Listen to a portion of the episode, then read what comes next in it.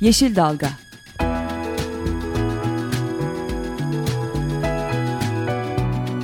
Çevre mücadeleleri üzerine.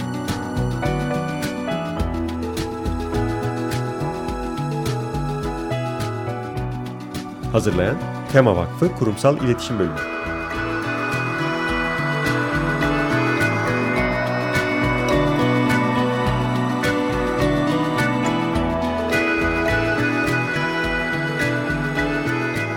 Yeşil Dalga programına katkılarından dolayı Willow Pompa Sistemlerine teşekkür ederiz.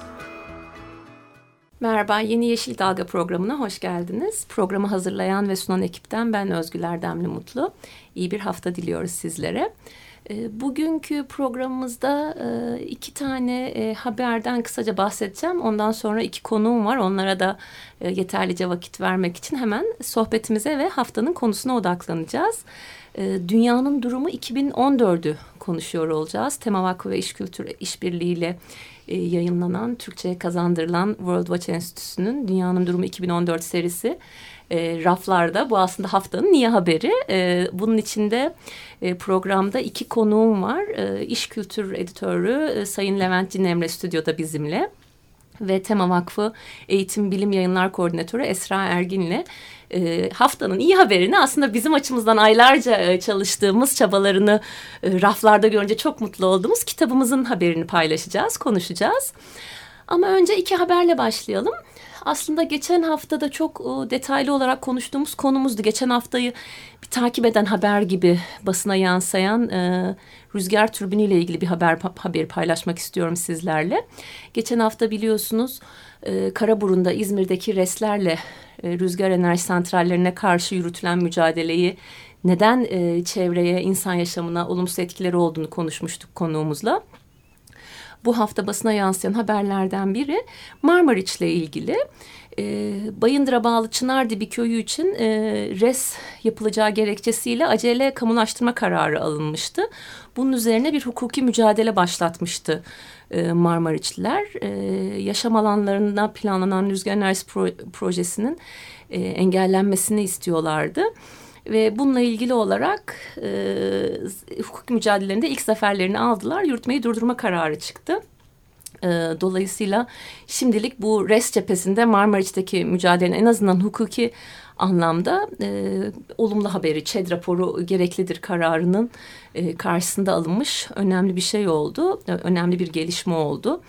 E, diğer haberimizde kötü haber maalesef. Ee, bununla ilgili aslında Baykal Gölü ile ilgili haberleri de yani sadece kendi programımızda değil başka e, radyomuzdaki açık radyodaki başka doğa koruma e, çevreyle ilgili programlarda zaman zaman gündeme geldiğini ben dinliyorum en azından. Ee, maalesef e, kötü haberimiz dünyanın en büyük tatlı su kaynağı olarak değerlendirilen Baykal Gölü'nün kuruması üzerine son 60 yılın en düşük seviyesine ulaştı. Ee, bunun nedeni de aslında çok uzak değiliz. Dinleyicilerimizin çok uzak olmadığı konular. Baykal Gölü'nün en düşük su seviyesine ulaşmasının sebeplerinin arkasında çarpık kentleşme, turizm ve gölün sularına izinsiz erişim olduğu söyleniyor. 2013 yılında oranla yüzde 40 düşmüş. Çevreciler de oldukça sıcak ve kurak geçen yaz aylarının ve ormanlık alan genişlemesinin e, bu düşüşe neden olduğunu belirtiyorlar. E, detaylarına daha fazla giremeyeceğim ama konuyla ilgili basına yansıyan haberlerden takip etmek mümkün diyerek hemen e, haftanın iyi olayıyla e, bizim açımızdan dediğim gibi aslında aylarca süren çalışmanın arkasından gelen keyifli e, haberle devam edelim istedik. E, konuklarımı kısaca tanıtmak istiyorum tekrar. E, İş Kültür'den sevgili Levent Cinemre bizimle. Hoş geldiniz efendim. Hoş bulduk. Yine Tema Vakfı'ndan e, Esra Ergin, Eğitim, Bilim ve Yayınlar Koordinatörü arkadaşımız. Esra bizimle. Hoş geldin Esra'cığım. Hoş bulduk, merhabalar. E, Levent Bey, e, öncelikle hoş geldiniz deyip e, aslında e, sizle başlamak istiyorum. E, dünyanın durumu e, serisiyle ilgili olarak e, işbirliğimiz biraz 2009'a dayanıyor. Uzunca bir süredir sizlerle birlikte çalışıyoruz ve bundan çok keyif alıyoruz. Ee, sizden dinleyelim. Siz neden e, dünyanın durumuna ne zaman ilgi duydunuz? E, bu işbirliğiyle ilgili olarak görüşleriniz ve editör olarak da özel yorumlarınıza geçmeden bir genel çerçeveyi alalım sizden. Evet biz e, 2009 yılından itibaren Dünyanın Durumu kitaplarını temayla birlikte e, hazırlıyoruz ve e, yayınlıyoruz. E, çok bilgilendirici bir kitap dizisi bu. Hakikaten çevre konusunda çok. Şimdi mesela siz e, Baykal Gölü'nden bahsettiniz. Ben öğrendim ki bu kitaplardan Baykal Gölü dünyanın tatlı su kaynaklarının tatlı su e, miktarının beşte biri Baykal Gölü'ndeymiş. Mesela onun bu bilgiyi ben bu e, şeyden öğrendim. Dünyanın Durumu dizisinden öğrendim. 2009'dan bu yana e, her sene yapıyoruz. 2009, 10, 11, 12, 13 ve en son 14'ü çıkarttık. E, herhalde Esra Hanım onun hakkında bilgi verecek. Şimdi genel olarak bakarsak hakikaten çok bilgilendirici e, ve yarı akademik denilebilecek tarzda yazıların olduğu, makalelerin olduğu bir e, kitap dizisi bu. Çevre konusunda dünyada e, işte Kenya'dan e, Hindistan'a, Bangladeş'ten işte ne bileyim Türkiye'ye, Amerika'dan e, işte Grönland'a neresiyse dünyanın her tarafından e, bilgi alıyorsunuz. Oradaki sorunları öğreniyorsunuz. Oradaki gelişmeleri öğreniyorsunuz. Ve ayrıca bu dünyadaki e, çevre açısından kötüye gidişe karşı bir şeyler yapmak isteyen insanlarla tanışıyorsunuz. İşte vakıflar, kuruluşlar, Birleşmiş Milletler ya da özel vakıflar, her ülkenin kendi insanları belli bir bilgi düzeyi gelişmiş, e, bir bilgi oluşmuş ve bu bilginin e, yavaş yavaş harekete dönüşmesini görüyorsunuz. Mesela ne bileyim işte gidiyorlar e, Zulu Kenya'daki Zulu kabilesinin koyunları konusunda çalışma yapıyorlar. Niye? Çünkü Kenya'daki Zulu kabilesinin yerel koyunları, onun yerli koyunlarının soyu tükenme durumuna girmiş. Niye? Çünkü dışarıdan koyun ırkları girmiş. Şimdi buna karşı İrlanda'dan oraya yardım gelmiş mesela. Bunu öğreniyorsunuz ve bu da son derece umut verici. E, dünyanın geleceği konusunda e, insana e, güven verici bir durum. Ama tabii bu kadar e, umutlu e, olmak için e, biraz çabalamak gerekiyor şu bulunduğumuz koşullarda. Eğer fırsatımız varsa ben şöyle bir genel e, 2009'dan bu yana her kitapta nasıl bir tematik e, şey yöntem izlenmiş. O, çok güzel olur lütfen ona başlayalım sonra zaten bu kitapla ilgili Esra ile konuşuruz. Bir 2009'dan itibaren hakikaten bir devamlılık var mı ya da sizin dilinizden sizin ağzınızdan onu dinlemek hoş olur. Evet. Isınmakta olan bir dünyaya bakış diye başlıyor. Bunu e, Ayşe Başçı isimli çevirmen arkadaşımız çevirmiş. Bu kitap dizisinin yani bizim çalıştığımız kitap 2009'dan bu yana gelen kitap dizisinin editörü Linda Stark. Bütün o e, yaklaşık 20 civarında makale oluyor e, grafikler, şekiller, tablolar hakikaten gerçekten iyi çalışılmış makaleler. Bu konuda uzman insanların çalıştı ve genellikle de World Watch Enstitüsü'nün bağla, enstitüyle bağlantısı olan insanlar, orada araştırma görevlileri falan filan onların yazdıkları makaleler iyi iş bölümü yapılıyor, iyi e, görevlendirme yapılıyor ve belli ki onlar iyi takip edilip makaleler alınıyor, üzerinde çalışılıyor ve basılıyor. Isınmakta olan bir dünyaya bakış olarak e, belirlemişler o seneki temayı. E, yazıların çoğu bu temayla ilgili. Yani mesela buradan e, ilginç e, benim dikkatimi çeken Hindistan'da mesela iklim değişikliğiyle e, ilgili bir şey oluşmuş, oluşmaya başlamış ki Hindistan mesela bu konudaki en az, en sorunsuz yerlerden biridir. Hatta denir ki ki ben bunu da bu kitaplardan öğrendim tahmin ediyorum. Yani e, eğer dünyada herkes Hintliler gibi tüketim yapsa işte bu dünya 15 milyar 20 milyar kişiyi kaldırır ama dünyadaki herkes Amerikalılar gibi tüketim yapsa bu dünya işte 5 milyardan fazlasını kaldırmazdı gibi. E, bu bu konuyu işliyor. Isınmakla olan dünyayı e, dünyaya bakış. 2010'da e, tüketicilikten sürdürülebilirliğe kültürleri dönüştürmek isimli bir e, tema koymuşlar. Orada da e, her ülkenin Afrika'dan işte Hindistan'dan Bangladeş'ten şuradan buradan e, geçmişte işte anneannelere gitmişler. Babaannelere, dedelere gitmişler. Onların bilgilerini şey yapıyorlar. İşte tüketim bilgilerini. Şimdi hepimiz çok değiştik. Biz kendi anneannemizden falan da biliriz. Yani onlar işte hemen bir şeyler yaparlar hop. E, pek dünyaya e, yani çevresi açısından zararlı olmayacak şekilde tüketim yaparlar idi. Biz şimdi her şeyi şeyden marketten alıyoruz falan filan. Bu konuyu esas olarak işliyor ve bunu eski gelenekleri canlandırarak e, bu işte çevresel açıdan ıı, zararlı tüketimi biraz e, engellemeye yönelik bir sürü çalışmalar oluyormuş dünyada. Mesela bunu öğreniyoruz. Mesela şöyle bir şey e, ilginç. 70'li yıllarda üniversite öğrencilerinin Amerika'dan bahsediyoruz. Yüzde yetmişi anlamlı bir hayat felsefesi geliştirmeyi önemli buluyormuş. Ama 2009'da bu yüzde otuza düşmüş. Ma maddi açıdan iyi bir durumda olmayı daha çok tercih eder olmuşlar. Yani çok büyük bir fark. İşte bakın kaç 40 yılda şey nasıl değişmiş. Ee, yani bütün dünyada bu, bu gelişim söz konusu. Mesela çok ilginç şurada bir şey. iki evcil Alman kurdu. Ee, bir Bengalleşliden daha fazla kaynak tüketiyormuş. yani bunu da şeyle bağlantılı söylüyor. Böyle çok ilginç e, şeyleri var bu kitapların. E, do, değindiği konular var. Yani mesela e, işte evcil hayvan besleniyor. Şimdi bunun nasıl bir endüstri haline geldiğini. Mesela 42 milyar dolarlık e, evcil hayvan yemi satılıyormuş dünyada.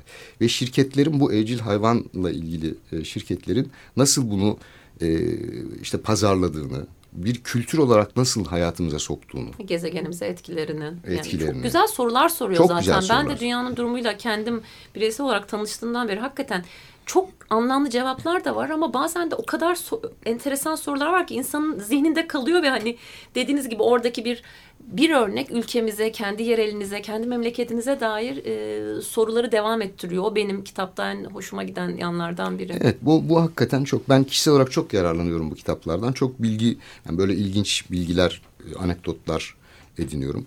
2011 yılında gezegeni besleyen inovasyonlar e, konusu. Burada da işte mesela diyelim ki bir örnek. E, Madagaskar'daki bir pirinçten bahsediyoruz. İşte bir sürü pirinç e, çeşitleri var. Ama özellikle daha pişirilince daha çok şişen ve dolayısıyla daha çok kişiyi doyuran bir pirinçci e, o biraz da şeyini iyileşti ıslah etmişler o cins pirinç türünü.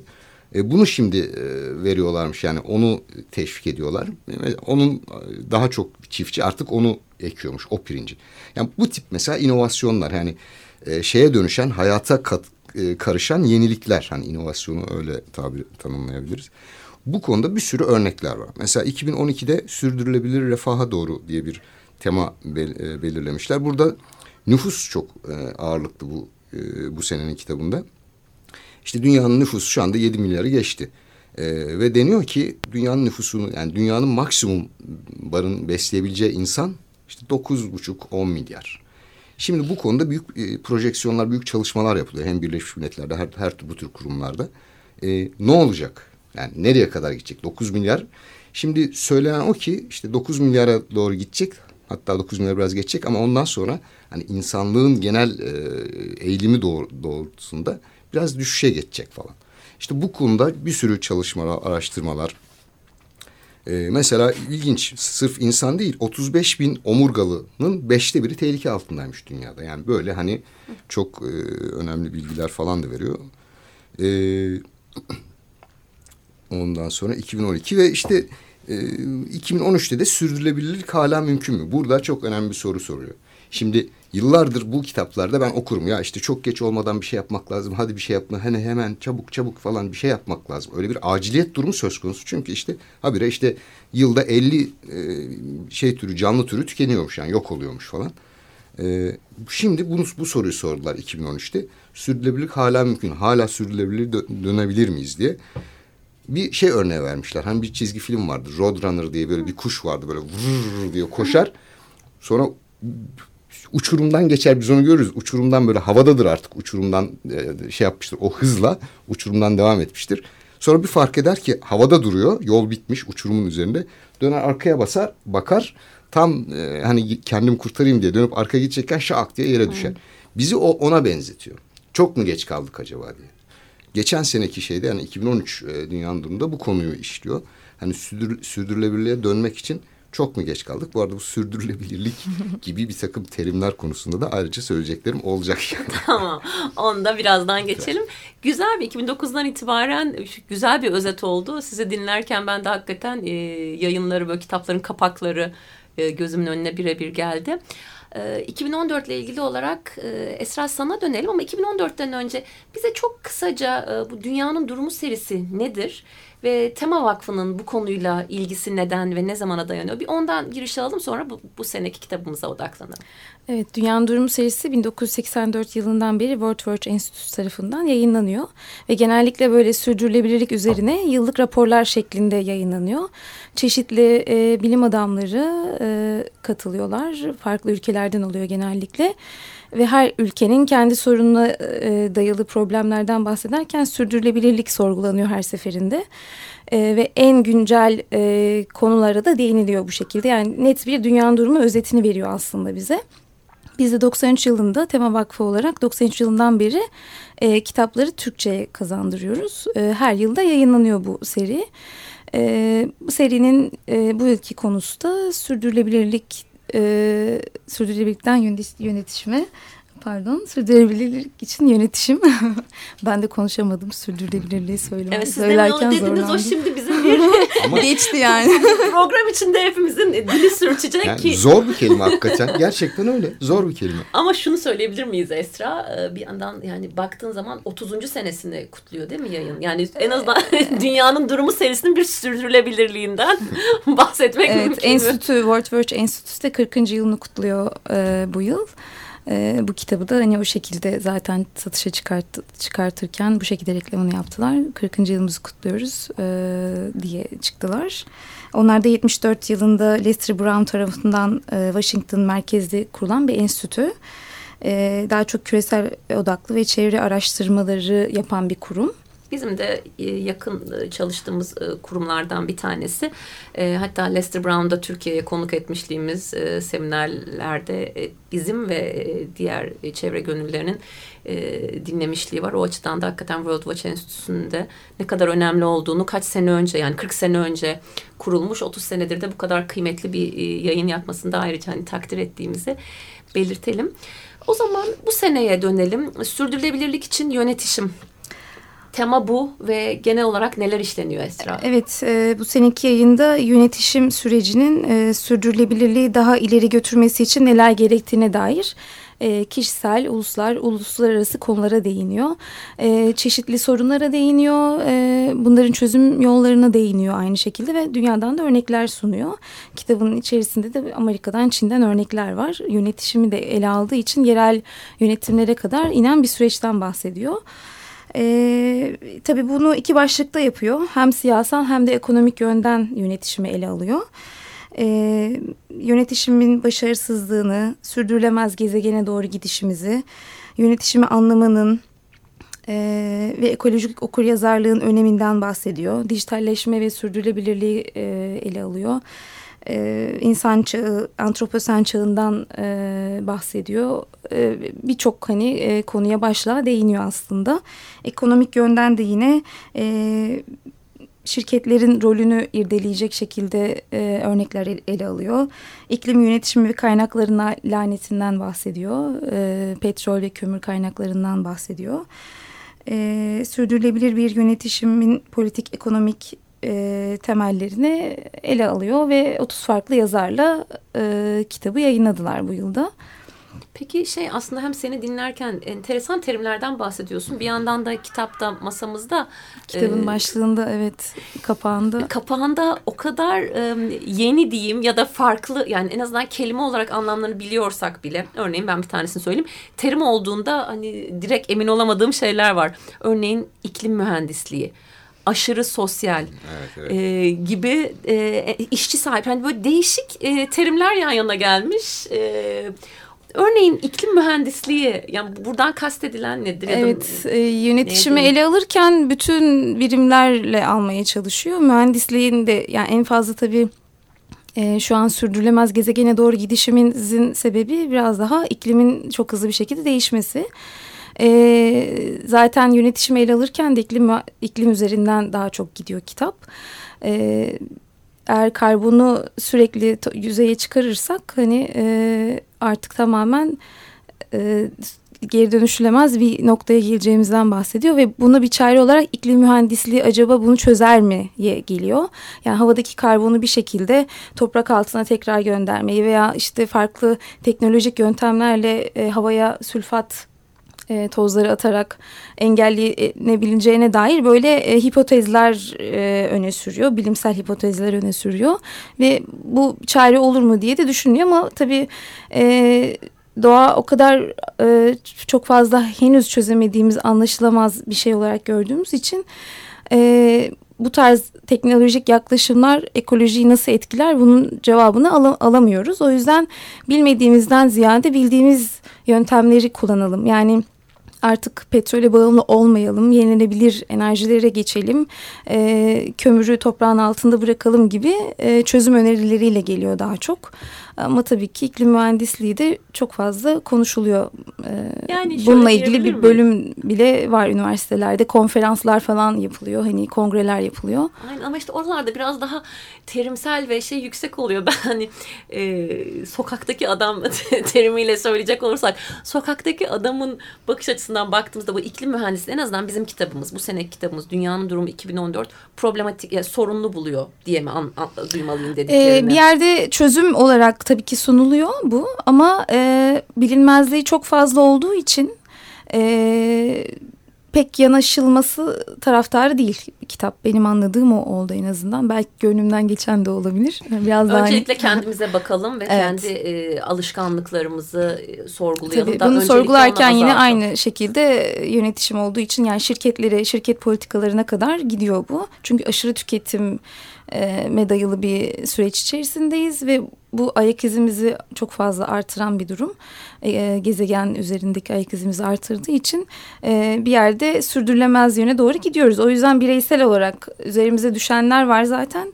Bireysel olarak bunları yerine getirelim. Bunları yerine getirirken, getirirken de hükümetleri de e, değiştirebiliriz. Bireysel olarak ihtiyaçlarımızı ifade edersek hükümetlere. E, onlar da bu süreci dahil olabilirler. Yönetişimi değiştirebilir. Yani yönetişimi tamamen böyle e, tabandan tepeye doğru ele alıyor kitap ve herkesi e, şey el birliğine çağırıyor açıkçası. Aslında çok kitapta bence ya sürdürülebilir sür Levent yani, şimdi, ama zor kelime var. Zaten ben bir editör olarak bu biraz şikayetim var açıkçası. Evet biraz ona, ona dönelim. Evet şimdi güzel taraflarını saydık. Bir iki de eleştirim olacak benim. Şimdi bir birinci eleştirim e, eğer buradan onlara e, giderse e, World Watch Enstitüsü'ne giderse bu sözlerim çok memnun olurum. Niye onlar acaba bu sene şeyden vazgeçtiler? Dünyanın Durumu kitaba ismini veren çok güzel onların bir grafik şey anlatımları vardı. Hmm. Bir sene boyunca dünyada ne tür çevre olayları yaşanmış?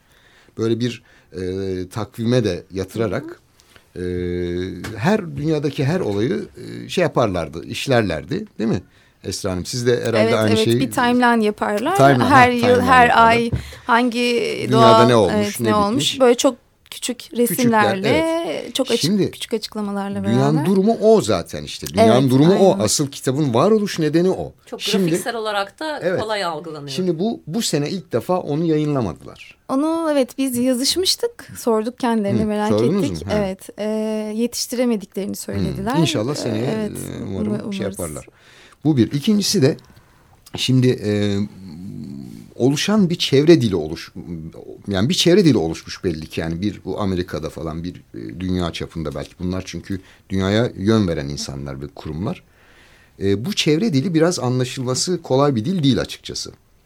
Ve çevresi de kolay değil. Yani Türkçe ifadesi de çok zor. İşte sürdürülebilirlik derken de nasıl uğraşıyoruz.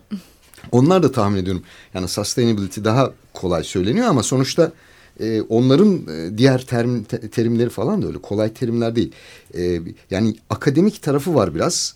E, çok bilimsel biraz böyle e, daha sınırlı çevrelerde daha çok bilinen konuşulan ve aslında belki de şeye ulaşması açısından biraz e, engel de teşkil etmiş olabilir. Yani bu olayın pardon bu çevrecilik olayının e, geniş e, kitlelere e, yayılmasında biraz engelle teşkil ediyor olabilir bu dil meselesi. Çok soyut kaldığı yerler. Çok soyut çok kalıyor evet. Katılıyorum size yani kavramlar bir de Türkçe'ye çevirirken de evet. doğru diyorsunuz yani bir şekilde ya e, o Anglo-Sakson kökünden gelen şeyi çeviriyoruz evet. ya da çevirmenler aracılığıyla tabii yapıyoruz ya da biz kullanırken e, onların benzeri şeyleri kullanıyoruz ama tam içselleştiremiyoruz. Evet. O dediğiniz gibi mesajı belki daha evet. kitlelere yaymak Zor. konusunda evet. sıkıntı oluyor. Zaten e, şimdi e, biz bu terimlere karşılık bulmaya çalışıyoruz. bilimsel terimler, işte çevre terimleri karşılık bulmaya çalışıyorum. Tema o konuda bir e, nasıl diyeyim bir arşiv kütüphane oluşturmuş durumda. Yani te, terim kütüphanesi, kütüphanesi diyelim. Yani yavaş yavaş oluşuyor diyelim buna. E, çalışan e, çevirmenler de onların da tabii haklarını yemeyelim. Ayşe Başçı mesela çok birkaç e, kitabı o yaptı. E, bu sene kitabı Gülruh Hanım yaptı. Gülruh Hotinli yaptı. Dost Körpe bir çeviri yaptı. E, ondan sonra Cana e, Çağrı Cana Ekiz e, arkadaşlar çeviri yaptılar. E, bu, bu, bu işin altından kalkmak e, hak, hakikaten hayli zor. Ama yine de bütün bunlara rağmen biz 2000 basıyoruz bu kitabı. Bin tanesini temaya veriyoruz. Bin tanesini piyasaya veriyoruz. Ve o piyasaya verdiğimiz bin kitap da satın alınıyor. Yani birileri bunu alıyor evet. ve okuyor. Evet. Dolayısıyla her türlü zorluğa, terminolojik engellere rağmen de umutlu olacak nedenimiz var. Çok e, güzel bir e, kapanış cümlesi oldu bu. Zaten yavaş yavaş da toparlamamız gerekiyor. Ama siz bir yandan da programın açılışında o 2009'dan itibaren e, özetlediniz. Ben biliyorum ki bir kısmı hakkı piyasada bulmak imkansız. En azından vakfa geliyor böyle sorular. Şimdi de dinleyicilerimize e, duyurmuş olalım. Hani eski sayılarla ilgili e, bilgi almak isterseniz en azından Tema Vakfı'nın kütüphanesine gelip karıştırabilirsiniz eski dünyanın durumlarını. Mevcut hala satışta olan kitapları da iş kültürünü web sitesinden web sitesi web adresini sizden duyuyoruz duyalım. E, www yani www.iskultur.com.tr Oradan sipariş edebilirsiniz. E, Esra son sözü sana bırakmak istiyorum. Dakikalarımız bitti ama senin e, dünyanın durumuyla ilgili olarak bir iki cümleyle söylemek istediğin şeyi alalım. E, kitabı her yerde bulabilirsiniz. Öncelikle onu söyleyeyim aslında. E, meraklı olan herkese tavsiye ediyoruz. E, daha çok öğrenciler, akademisyenler, politika yapıcılara tabii ki daha çok tavsiye ediyoruz. E, bu yayında bu yönetişim kısmında e, yani ben her seferinde çok umutluyum açıkçası sürdürülebilirlik yönünde. Birazcık bazen hayal kırıklığına uğrasam da e, umudum devam ediyor. Ediyor yani kitabını da herkese okumasını tavsiye ediyorum. Çok Teşekkürler. Teşekkür, çok teşekkür ediyorum konuklarıma. Gelecek hafta görüşmek üzere. Hoşçakalın. Yeşil Dalga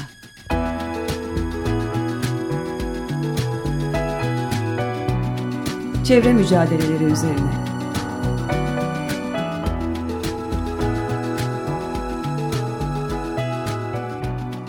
Hazırlayan Tema Vakfı Kurumsal İletişim Bölümü.